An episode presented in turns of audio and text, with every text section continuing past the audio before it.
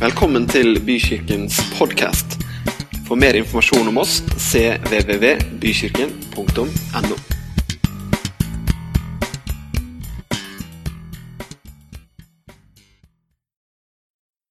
Eh, Det er jo sånn at eh, For to uker siden så stilte jeg spørsmålet hva er det med denne boka. Bibelen, Noen som husker det? Noen som var her for 14 dager siden? Ja, veldig mange. Hva er det med denne boka? I dag kommer Hva er det med denne boka 2? Alle gode filmer har en oppfølger. Hva er det med denne boka? Og når det gjelder denne boka, da, høres det veldig sånn teknisk ut, en bok, men når det gjelder dette her, det som du skal være med på akkurat nå, så kan du møte de neste minuttene på minst to forskjellige måter. Du kan enten sette deg godt til rette og inni deg tenke ved ca. annethvert avsnitt Jo da, dette har jeg jo hørt en gang før. Det går an å gjøre det. Noen her ligger jo i norgestoppen på antall kristne møter per tiår. Så de, Den holdningen går jo an å ha. ikke sant? Eller så kan du tenke at Eller si til Gud at nå åpner jeg hjertet mitt. Og så ber jeg om at dine ord skal bli mat i mitt indre. Det samme kan du for så vidt gjøre når du tar fram bibelboka hjemme og leser. Noen er jo veldig sånn pliktdrevne og har en bibelleseplan, og de tenker liksom at hvor fort kan jeg lese dette kapitlet så jeg kan huke av at jeg har lest det? Det er jo også en måte å gjøre det på. Eller så kan man også da liksom stille spørsmålet Gud, er det noe du har tenkt å si meg her. Hva er det med denne boka? Hva er det med denne boka? Det er en liten recap fra forrige uke. Hva er det med denne boka som er skrevet av ca. 35 forskjellige forfattere på ulike språk, i ulike livssituasjoner? Alle inspirert av Guds ånd. Hva er, hva, hva er grunnen til at denne boka Og i dag så skal jeg snakke om at denne boka den har en kraft, og at den har en autoritet. Forrige gang så snakka vi om hvordan denne boka kom til ved at mennesker skrev ned det som de opplevde at Gud ved sin ånd inspirerte dem til å skrive. Vi også om at Noen syns jo det er litt problematisk at det er liksom at det er mennesker som har skrevet det, og legger inn liksom, Da må det jo være en voldsom feilmargin. Nei, summen av Guds ord er sannhet, og det står at han våker over sitt ord.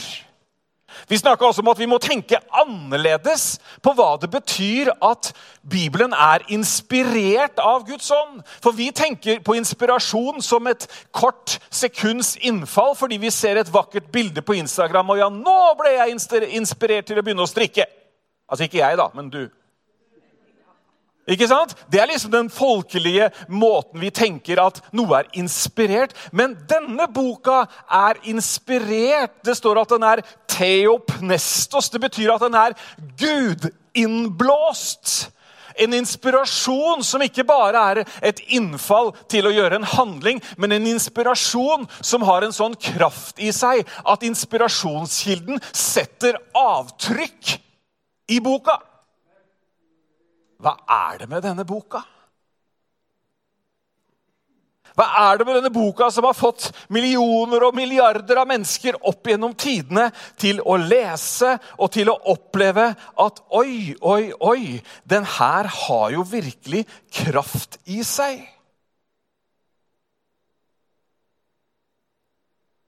Når Jesus var i ørkenen, så kom fristeren til ham. Det står i Matteus 4. Da kom fristeren til ham og sa, 'Hvis du er Guds sønn, så si at disse steinene skal bli til brød.' Men Jesus svarte, 'Det står skrevet.' Mennesket trenger mer enn brød for å overleve. Det trenger ord som kommer fra Guds munn. Hvis jeg forrige gang snakka for mye etter din mening om at Bibelen har, blitt, har kommet til ved menneskers verk, så kommer du til å bli fornøyd i dag.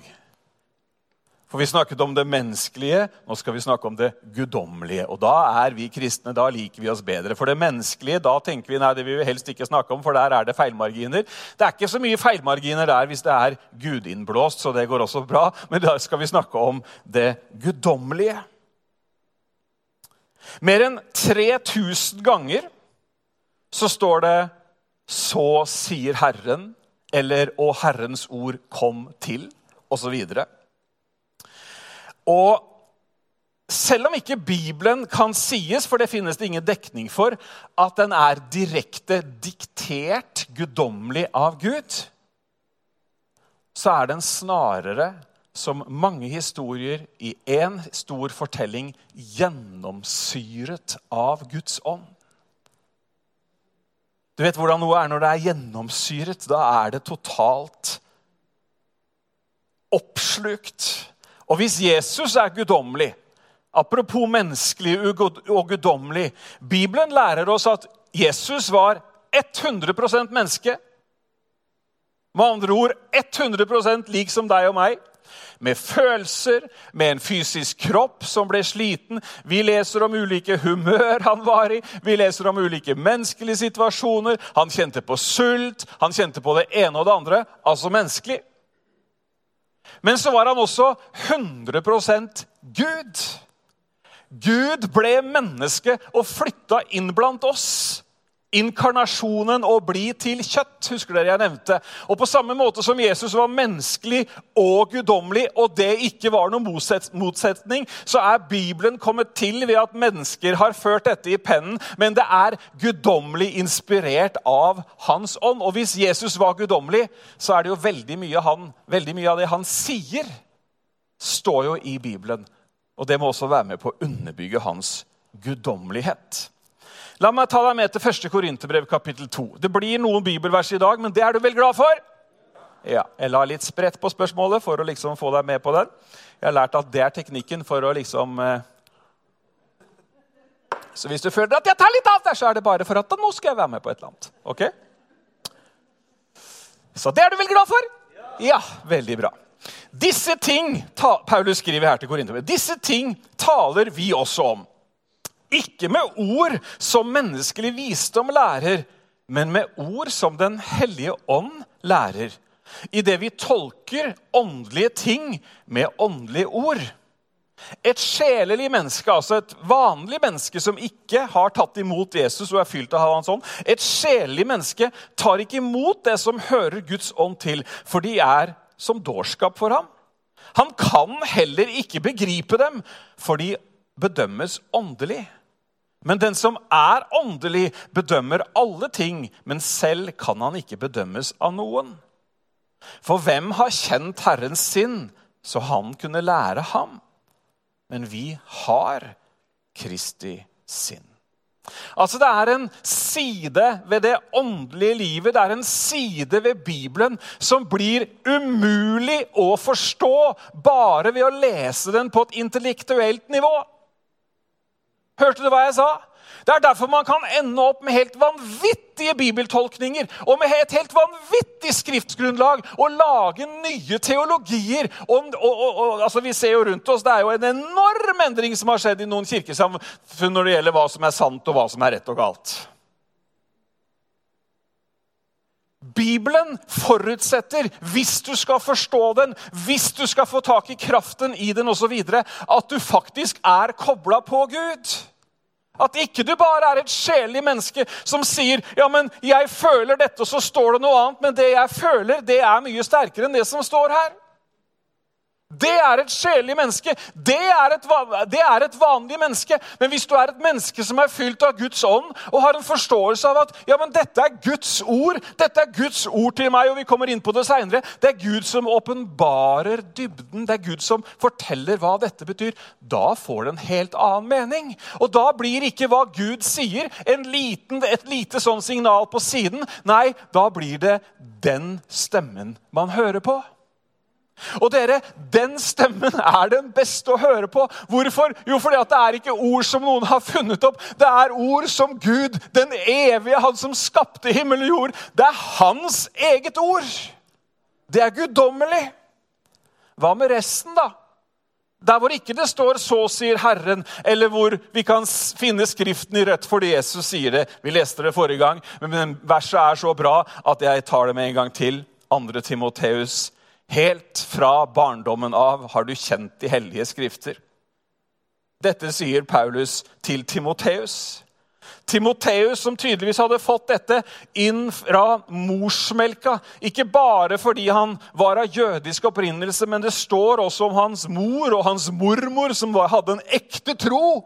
Så han har fått dette inn. Helt fra barndommen har du kjent de hellige skrifter, som har kraft til å gjøre deg vis til frelse på troen på Kristus Jesus. Hele Skriften, her kommer det igjen, er innåndet av Gud. Ikke deler av Skriften, ikke Det nye testamentet. Hele Skriften er innåndet av Gud. Kan jeg få et lite amen fra forsamlingen? Den er innåndet av Gud, og den er nyttig til lærdom. Ja, lære om Gud. Lære om det ene og lære om det andre. Til overbevisning. I en verden hvor det meste er relativt og det meste er individuelt, så vil jeg si at overbevisning det er en fin ting å ha. Den der 'jeg veit at jeg veit'. Til rettledning. Ja da, det hender vi sporer litt av. Det er menneskelig å spore av. Men Gud han får oss opp på veien igjen. Og til opplæring i rettferdighet, for at Guds menneske skal bli satt i stand og godt utrustet til all god gjerning. Jeg vet ikke hvordan det er med deg, men jeg har jo et ønske for denne forsamlingen. Jeg har et ønske for hver eneste en som er her, og de som ikke er her, og de som følger oss på, på Facebook akkurat nå. Det er at du skal bli utrustet til all god gjerning.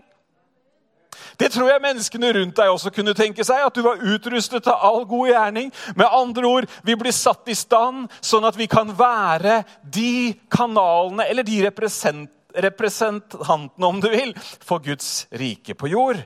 Amen. Bibelen er ikke en miks. Ja, der var det litt menneskelig. Ja, der var det litt guddommelig. Litt menneske, litt noen porsjoner av Gud innimellom. Der var det han som skrev.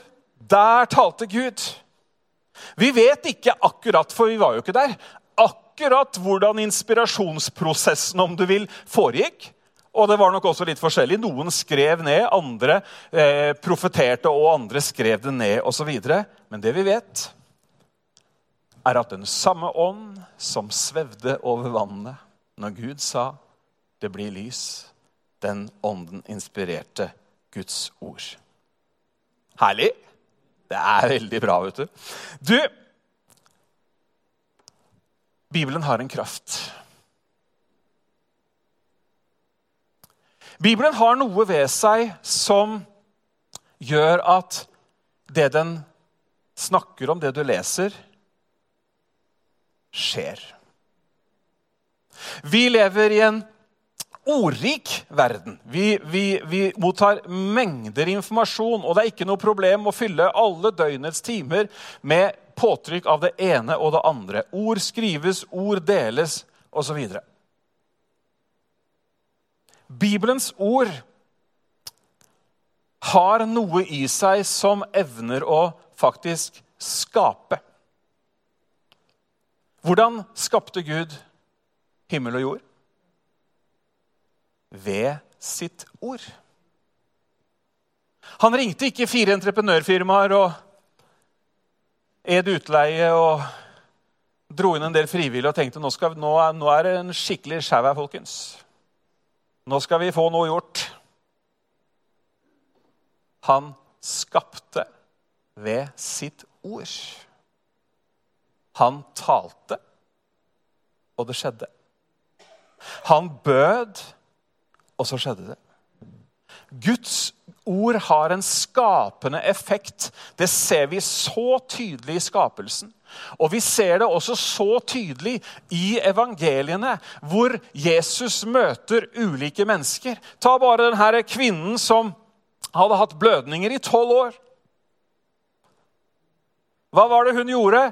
Hun sa til seg selv. Ordene hennes forløste noe. Hun sa Om jeg bare får røre ved kanten, så kommer jeg til å bli frisk.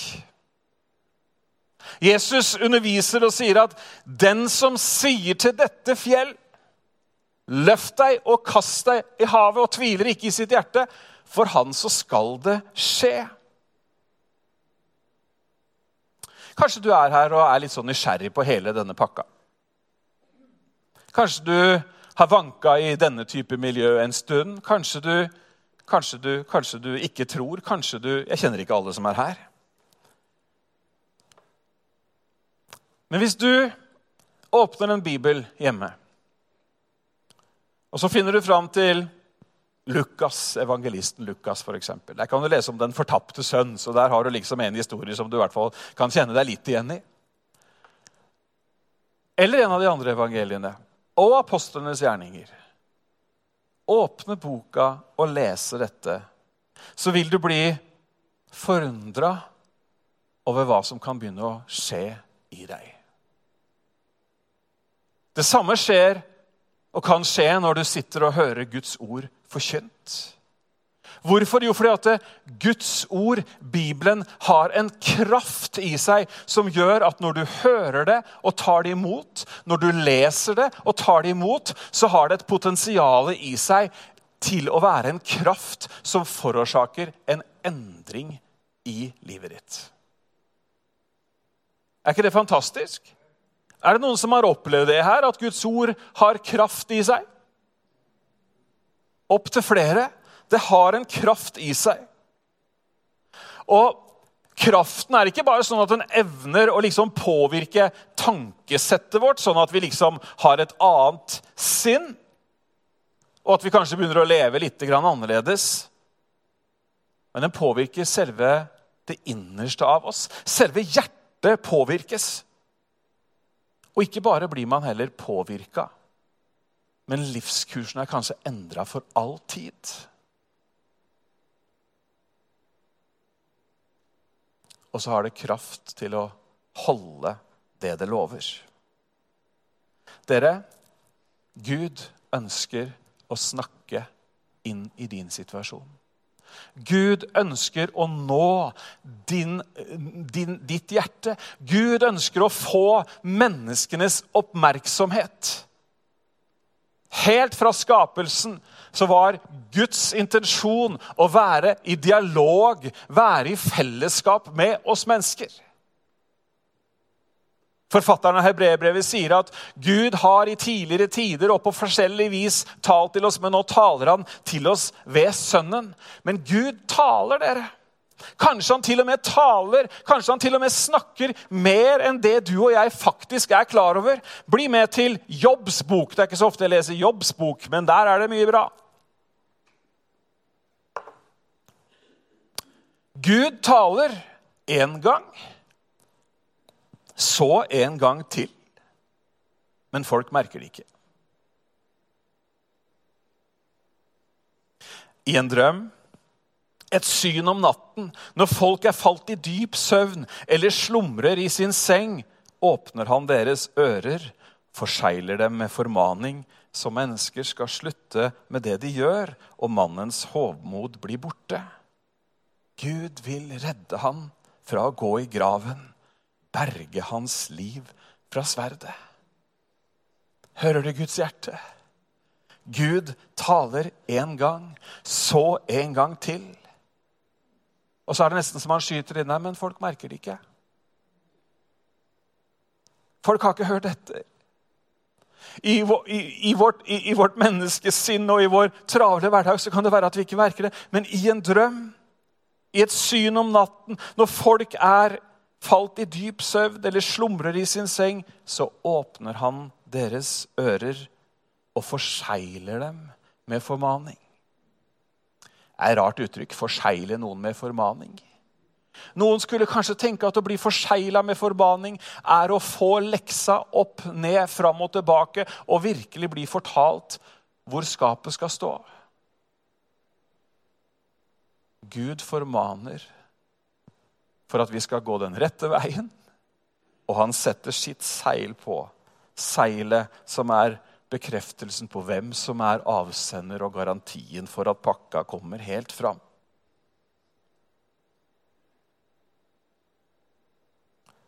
Bibelen er kraftig. I Salme 107, 20, jeg tror kanskje jeg siterte det i stad, så står det Han sendte sitt ord og helbredet dem og fridde dem fra deres undergang. Hva er det med denne boka? Den er kraftig. Hvorfor preker vi fra denne boka?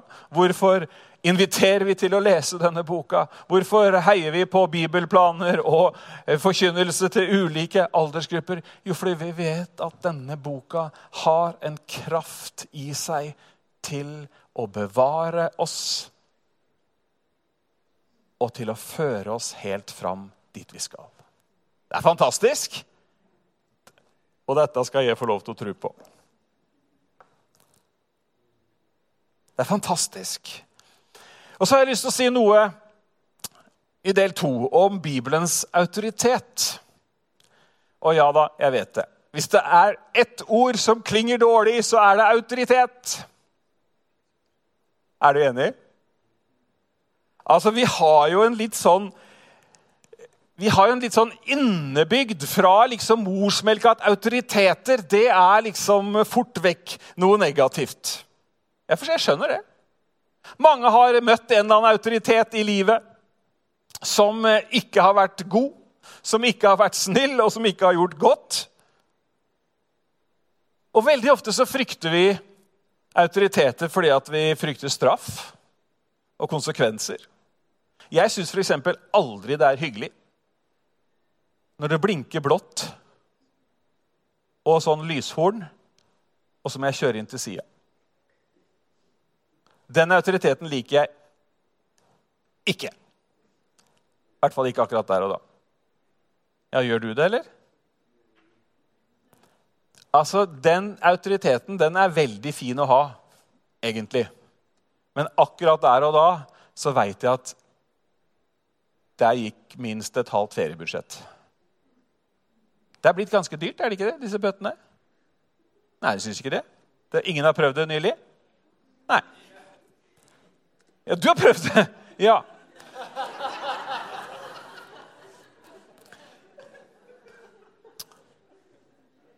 Om vi, bekjenner våre synder, så er han trofast og rettferdig. vet du. Nei, det, det, koster litt, altså. Men poenget er at i forhold til autoritet så er det der frykten for konsekvenser. Den, den liksom, Jeg husker før når jeg var litt yngre, da hadde jeg, når jeg var sånn på din alder, da hadde jeg en, en sånn ti dager hvor jeg hadde tre sånne opplevelser.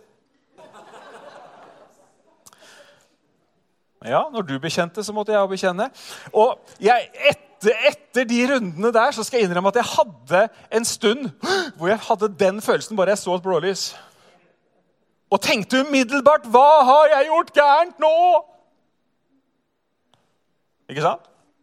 Vi frykter konsekvensene. En annen ting som gjør at vi har litt problemer med, med, med, autoriteter, det er at vi kan kanskje ha akkurat som jeg fortalte nå, noen tidligere negative erfaringer som henger ved. For så kan man, hvis man har hatt dårlige erfaringer med en far eller en farsfigur. Det kan gjøre at når man møter en annen autoritetsperson som er en mann, en lærer f.eks., eller en annen sjef, så kan det være at man bærer med seg tidligere erfaringer og overfører det på det neste. Man har tidligere negative opplevelser. Kanskje noen var overdrevet streng. Kanskje noen til og med misbrukte den makta de hadde. En annen ting som gjør at vi kan slite litt med autoriteter Vi skal snakke om den andre siden av det her etterpå. Liksom, hva preka han om i dag? Nei, Frykt for konsekvenser og autoriteter. Veldig oppløftende. Men en annen side som gjør at vi, vi har en sånn innebygd vegring mot autoriteter, er at vi vi frykter litt at vi skal miste kontrollen og selvstendigheten. Stemmer ikke det, da? Nei, jeg vil gjøre som jeg vil. vi har litt sånn opprør i oss. For vi vet at en autoritet kan si 'hit, men ikke lenger'. Det er greit, og det er ikke greit. Og så mister man liksom det derre indre autonomien. Men kan det være dette er et spørsmål, kan det være, dere, at det blir litt sånn ødeleggende, eller litt sånn umodent, å overføre disse negative tingene Tidligere erfaringer, frykt for straff og det å miste kontrollen At vi overfører det til Gud og hans autoritet. For hans autoritet vil jeg med all trykk understreke at er en god autoritet. Guds autoritet er kjærlighet, nåde og fred. Hørte du hva jeg sa? Gud han kommer med kjærlighet, nåde og fred og barmhjertighet. Gud, Guds autoritet er at han er skaperen og opprettholderen av alt liv. Det er, han, det, det, det er den autoriteten. Er ikke det fantastisk? Og Guds autoritet har et potensial i seg hvis man har Gud som autoritet til å skape en kraft og en inspirasjon inn i troen på en sånn måte at man, når livet røyner, når det ene og det andre skjer, så har man en bauta å gå til. Man har et grunnfjell å stå på som aldri kan rokkes. Når vi har med oss hans autoritet inn i det vi møter, inn i prøvelser, da blir det en kilde til håp, til mot, til indre fred. Og så blir den autoriteten som Gud har, som en beskyttende skygge man kan gå under når sola prøver å stikke. Er det noen som vet bedre, og som bryr seg mer enn Gud? Er det noen som har elsket så høyt at han var villig til å sende sin egen sønn? Hvis han er så god, og jeg tror virkelig at han er det, bare sånn at den tvilen er borte, jeg tror virkelig at han er så god, er det ikke da ganske dumt å lukke ørene for hans autoritet. Jeg tror det. Et barn som aldri hører, men som alltid må gå sine egne veier, opplever en hel del smerte som man kunne vært foruten hvis man hadde hørt på det som den kjærlighetsfulle mammaen og pappaen sa.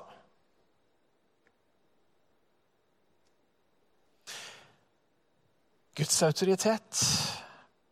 Vi møter det tidlig i Bibelen. Adam og Eva i Edens hage. Det kan dere spise av, og det kan dere ikke spise av. Og så kommer dette spørsmålet som også vi stiller oss selv og andre i dag. Spørsmålet fra fristeren, slangen, sier, 'Har Gud virkelig sagt?' Er det virkelig sånn at det er Guds ord som er det beste? Er det virkelig sånn at hans bud er kjærlighet? Er, altså, hvis, hvis, du heller går din egen vei og heller spiser av kunnskapens tre, så vil jo du få det bedre. For å gjenfortelle historien litt sånn fritt. Har Gud virkelig sagt? Er det virkelig sånn at Gud mener det som står her? Hva er det med denne boka?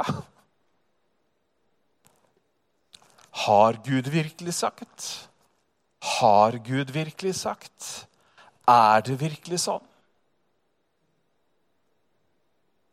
sier ikke med det jeg sier nå, at egen evne til å tenke, til å resonnere, til å belyse, til å se ting eh, i en lengre tankerekke og det ene og det andre. Det står ikke et eneste sted i Bibelen at du skal forlate din gode forstand og bare blindt eh, lese løsrevne bibelord.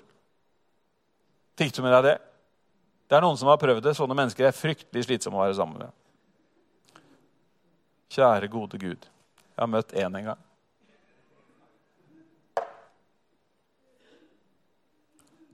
Har Gud virkelig sagt? Eva hun faller for den såkalte logikken. Logikken som sier at jo da, hvis du bare gjør sånn og sånn, så blir det veldig bra. Og med det så ser vi at hun stoler ikke på Guds hjerte, som har gitt noen på, som har sagt, egentlig gitt dem alt, bortsett fra det ene treet. Hun stoler ikke på det. Kaster det bort, egentlig det som Gud allerede har vist. Og hva er konsekvensen som vi kanskje kan lære nå? Det er at hun må betale dyrt. Fellesskapet med Gud ødelegges ved menneskets fall. Og vi ser at plutselig så må de gjemme seg. Plutselig så er det kommet noe mellom Adam og Eva og Gud. Og det ble ikke noe paradis.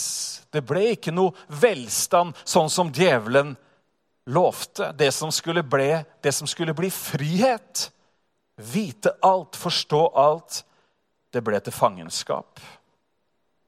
Og det som skulle gi ytterligere innsikt, hva førte det til? Jo, åndelig blindhet. Og med åndelig blindhet så kommer skammen. Så kommer selvforakten, så kommer frykten, forvirringen og angsten. Men heldigvis for deg og meg så endte det ikke der. For der var mennesket etter fallet. Men det står det kommer noe annet, for det står at kvinnens etterkommer Hvem er det? Ja, det var én som visste det. Det var godt at du er i lederteamet. det står at det skal skje noe etter at fallet har skjedd. Det står at kvinnens etterkommer, altså det skal bli født en av en kvinne Maria. Og hvem er det? Jesus, ja. Vi begynner sånn teologiskole på torsdag. Da skal vi ta barnebibelen for voksne.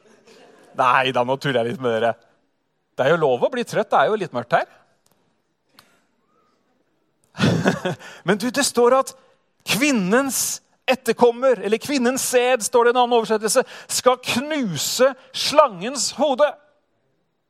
Og du vet, Det er her det begynner å bli veldig interessant. Fordi at den autoriteten som ikke fantes etter at Eva hadde gjort i hennes liv etter at hun hadde falt. Det kommer en som tar den autoriteten fullstendig tilbake. Og Bibelen er ganske billedlig og kraftfull og sier at han skal knuse slangens hode. Med andre ord, det betyr at det kommer en som skal ødelegge djevelens gjerninger. Halleluja. Gud salvet Jesus Kristus fra Nasaret for å gå rundt og gjøre vel, og for å sette fri alle de som var underkuet av djevelen. Alle de som hadde falt for Har Gud virkelig sagt? Er det nå en gang sånn? Nei, en gang for alle så vant han en seier på korset. Halleluja! Han sa det er fullbrakt. Og seieren var vunnet. Autoritet. Når Jesus kommer på banen, så går han nemlig ikke på limpinnen, sånn som Eva gjorde. Og Det er det samme ordet som kommer igjen. vet du. Har Gud virkelig sagt? Er du virkelig Guds sønn? Er det ikke rart hvordan han bedrageren Han kommer inn i hodene våre, og så begynner han å stille spørsmål ved ting som egentlig er sant, og så får han oss ut på sånn vaklende grunn, og så, og så er det liksom Ja, er det virkelig sånn? Er Gud god? Hvordan kan Gud være god når det er så mye ondskap i verden? Er det virkelig sånn? Er det sånn at han virkelig elsker meg? Er det, ikke sant? Er dere med på tanken? Han forsøker å bedra.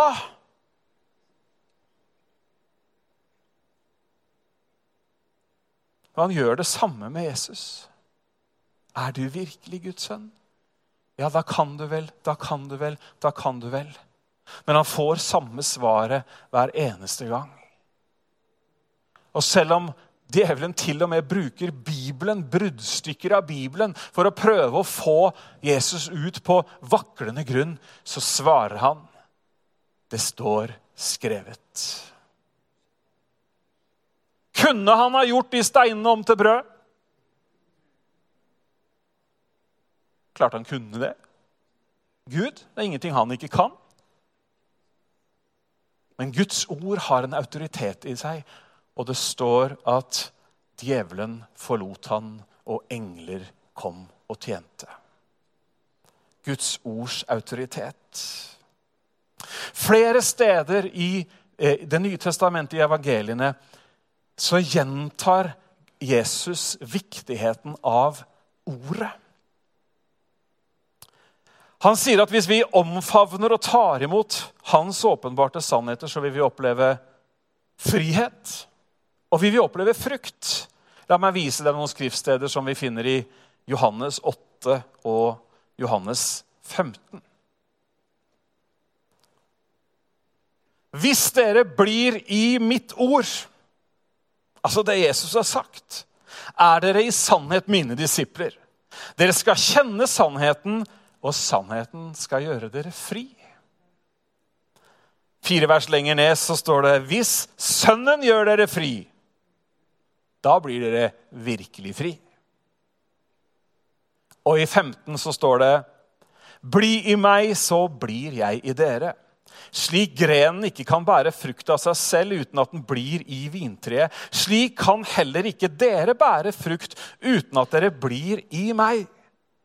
Jeg er vintreet, dere er grenene. Den som blir i meg og jeg i ham, bærer mye frukt. For uten meg kan dere slett ikke gjøre noe. Hvis noen ikke blir i meg, blir han kastet ut som grenen og visner.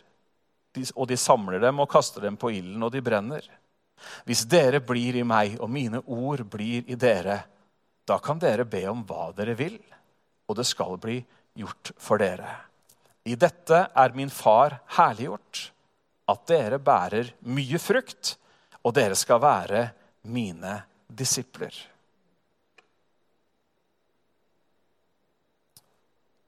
Amen. Det finnes en autoritet i Guds ord.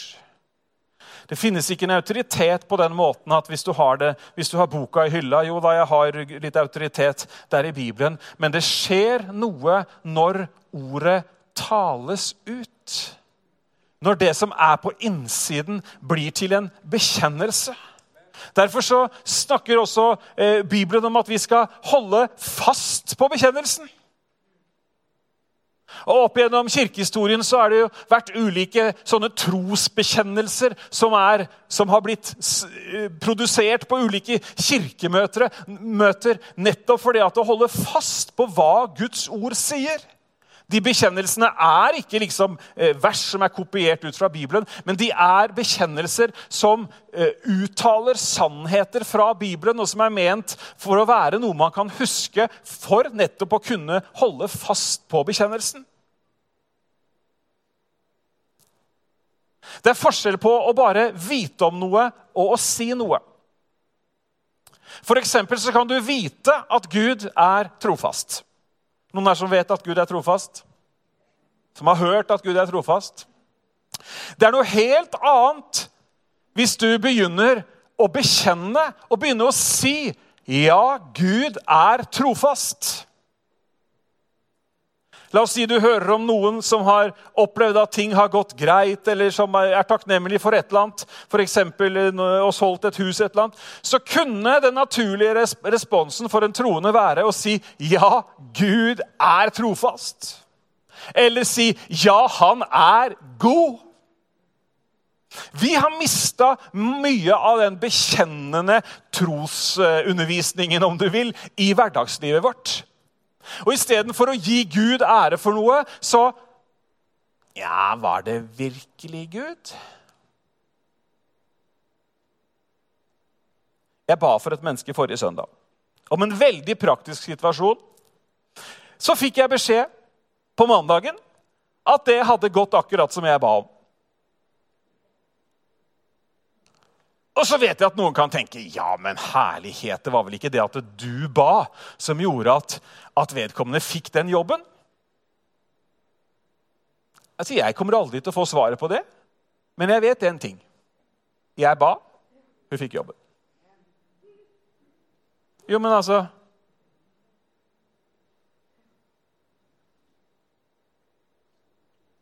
Ja, Du kan i hvert fall ikke motbevise at Gud hadde en finger med i spillet. Du kan jo ikke det. La da vår tale være ja, han har omsorg for sine. Amen. Gud er nådig. Og du vet, Når man begynner å si disse tingene, her, så gjør det noe med oss. Ikke som en sånn psykologisk teknikk. Nei, det, det gjør noe med oss fordi at Guds ord skaper. Ordet evner det det nevner. Han sendte sitt ord. Ordet om helbredelse ble sendt. Han sendte sitt ord til dem. Og det ble til utfrielse. Det ble til legedom. Guds ord har kraft i seg når det uttales. Guds ord har autoritet som en rettesnor og også som noe trygt, stort og kraftig som vi kan stå fast ved. Stå på om du vil. Jeg har en god eh, Kanskje rart å si god venninne, men hun er jo godt over 80 år, da. En skikkelig troskvinne. Og hun, ved et tilfelle hvor hun opplevde noe av det verste man kan oppleve skal ikke ta hele historien, men hun opplevde at eh, et barn som var, i, var hjemme hos henne som hun passa, slutta å puste. Null kontakt. Og hva gjør du? Du ringer ambulanse, du ringer politiet. Det er, det er ikke liv i barnet. Men hun visste at Bibelen var sann. Hun kjente autoriteten. Og helt symbolsk så fortalte hun, så la hun Bibelen på gulvet og så sa han, 'Gud, jeg står på dine løfter. Jeg står på ditt ord. Ditt liv må komme tilbake til denne gutten. Jeg går ikke av før han våkner.'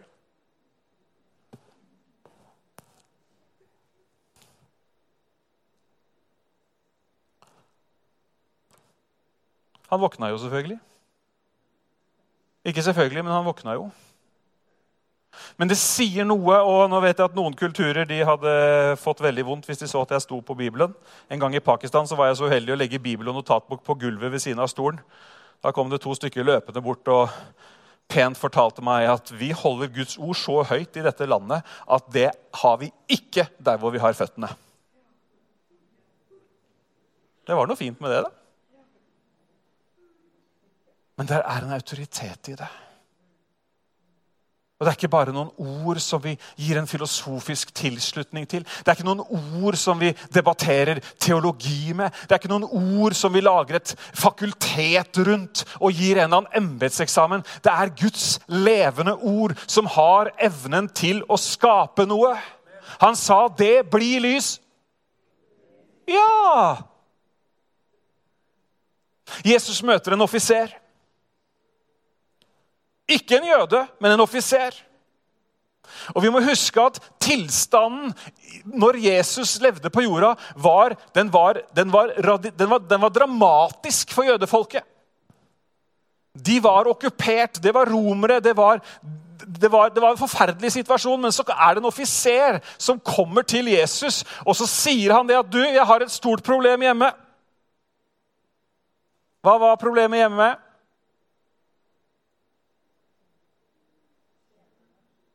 Tjeneren var sjuk. Og Jesus sier, 'OK, da, jeg skal komme'. Har du sett det at Jesus han tilbyr seg alltid å komme når de går og henter han? En egen preken i seg sjøl. Hvis du kaller på han, så vil han komme. Ja, nå ble du glad. Sjuke tjenere og det ene og det andre. Han vil komme! By your invitation. Han vil komme. Så han sier ok, jeg skal bli med deg hjem. Men han sier han offiseren, sorry, Jesus, jeg er ikke verdig at du kommer inn i mitt hus. Men, sa han, si bare ett lite ord, så vil gutten bli frisk. Si et ord. Ja, ja. Og så forteller han oss eller vi lærer for all ettertid hvordan dette funker. For han sier, 'Jeg er selv en offiser som har folk under meg.' Og jeg står under kommando. Men hvis jeg sier til noen av de som er under meg, 'gå', så går han. Eller 'kjøp en Cola Zero', så gjør han det. Han skjønte at Herrens ord har autoritet i seg. Si bare et lite ord. Jesus benytter anledningen som superpedagogen han er, og så sier han til de rundt seg, 'Hører dere hva han her sier nå?' Sannelig, jeg har ikke sett sånn tro i hele Israel. jeg. Det var menighetstukt, altså. Sånn skal det gjøres, folkens. Dere har rutinene deres, og dere har tidebønnene, og dere har det ene og dere har det andre, og dere prøver og det, hele pakka. Men dette er greia. Si bare et lite ord, så skjer det noe. Jeg tror for at for deg og meg så kan det noen ganger være greit å ta noen steg før den der tjeneren der hjemme. Kanskje vi må øve oss litt. Men som jeg sa, Herren taler til oss. Herren taler til deg nå, kanskje og gir deg et ord, en setning, et vers som du kan få holde fast ved. Som du kan trøste deg ved, som du kan finne styrke ved. Og som kanskje også blir din utfrielse, din frihet. Guds ord er kraftig. Og det har autoritet i seg. En god autoritet full av nåde og barmhjertighet. Halleluja. Takk, far. Vi får gi oss for i dag.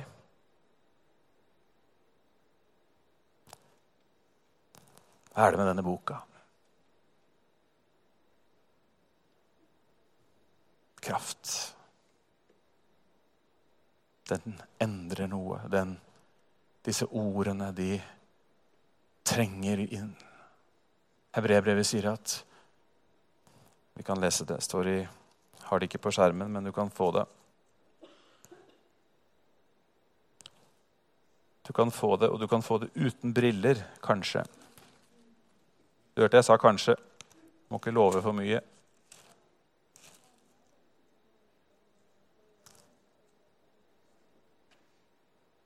Hebreerne 4, 12.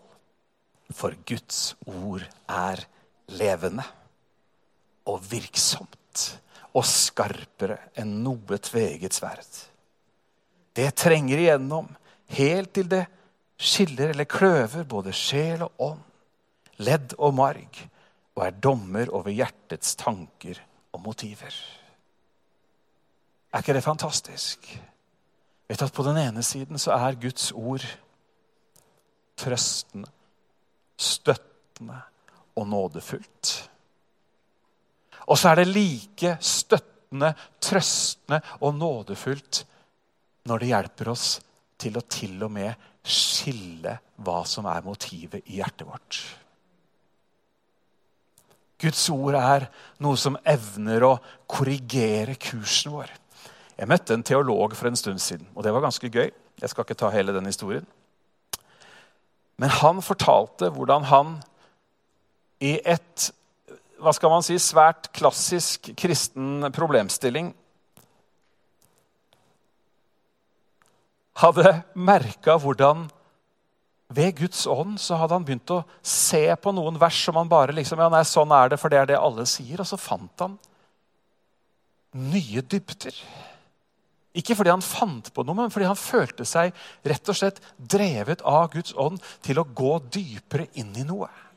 Skape overbevisning. Og du vet, Folk har brukt denne boka og denne bokas autoritet til å liksom Til og med skape skille mellom raser.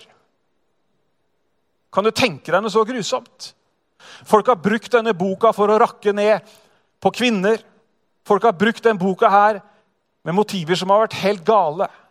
Men det at folk har gjort det, det betyr jo ikke at det er det samme som at Gud har ment det. Men Bibelen er skarp. Bibelen evner å trenge igjennom, sånn at vi også, til tross for at vi har blitt påvirket så mye av alt rundt oss, blir i stand til å skjelne mellom hva som er sannhet, hva som er rett, og hva som er galt. Og det blir et slags kompass som vi styrer etter. Og det tror jeg virkelig vi trenger. Amen. Skal vi reise oss opp og be sammen?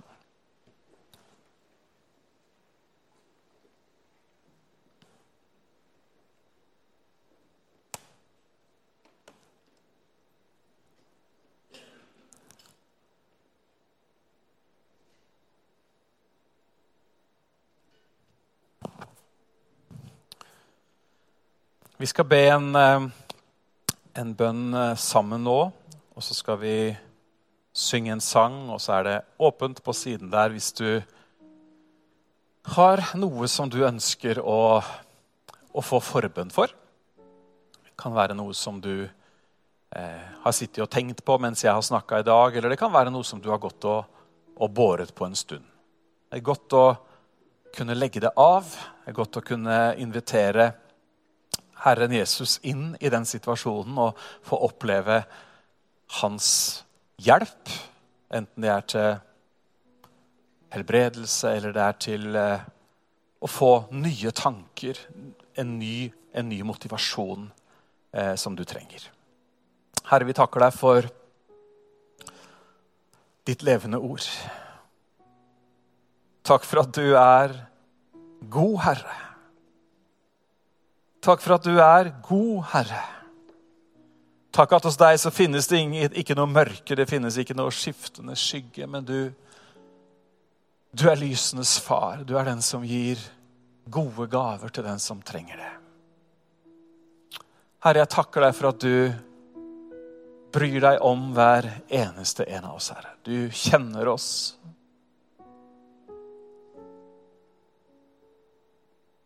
Og til tross for at du kjenner oss, så elsker du oss. Du bryr deg om oss.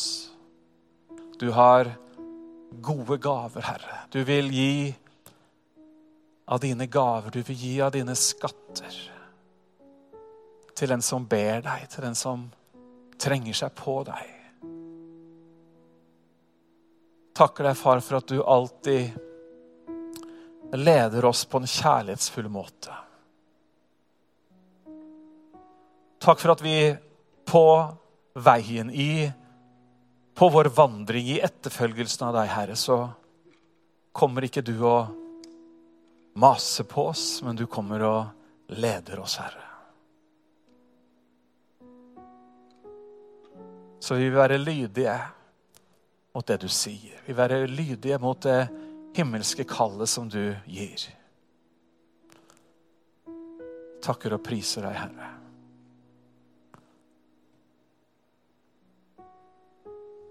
Vi ærer deg, far. Vi takker deg i Jesu navn. Amen.